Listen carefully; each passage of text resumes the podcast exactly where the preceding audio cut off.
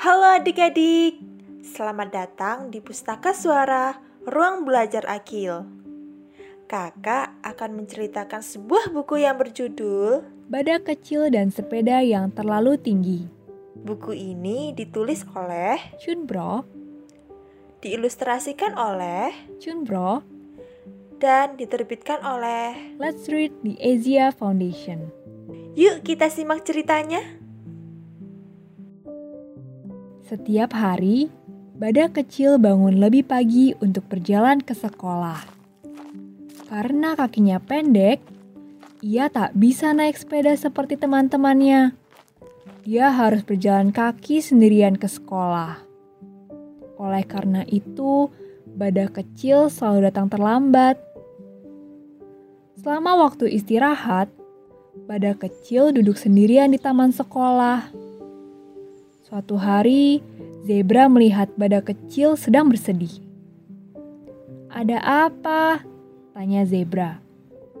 "Aku ingin naik sepeda ke sekolah, akan tetapi kakiku tidak bisa mengayuh karena terlalu pendek." Zebra pun mengusulkan agar mereka mencari solusinya bersama-sama. Pertama-tama, mereka memperhatikan semua jenis sepeda milik para murid di sekolah. Mungkin kakimu bisa mengayuh kalau pakai sepeda bebek yang kecil, usul zebra. Ide yang bagus, kata bebek.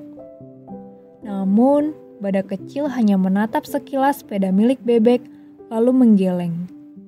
Sepeda ini terlalu kecil. Karena badanku berat, bisa-bisa sepedanya patah saat kududuki. Setelah itu, monyet membunyikan lonceng. Bagaimana kalau kamu mencoba sepeda milik Bangau? Kalian berdua memiliki tinggi yang sama. Ide bagus, ujar Bangau. Tetapi kamu harus menurunkan tempat duduknya dulu. Badak kecil pun setuju untuk mencobanya. Badak kecil merendahkan tempat duduknya, lalu ia sadar kalau stang sepedanya masih terlalu tinggi. Ia pun menurunkan stang sepedanya. Tapi ia masih tak dapat menjangkau pedalnya. Badak kecil punya ide lain. Kalau pedalnya masih terlalu rendah, bagaimana kalau kita naikkan? Kalian mau membantuku? Tanya badak kecil kepada teman-temannya. Ide yang bagus. Mereka menjawab serempak. Setelah mencoba sepeda milik Bangau, badak kecil dan teman-temannya bekerja sama membuat sepeda yang pas untuknya.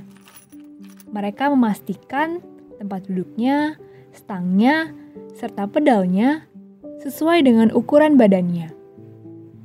Akhirnya, badak kecil punya sepeda yang benar-benar pas.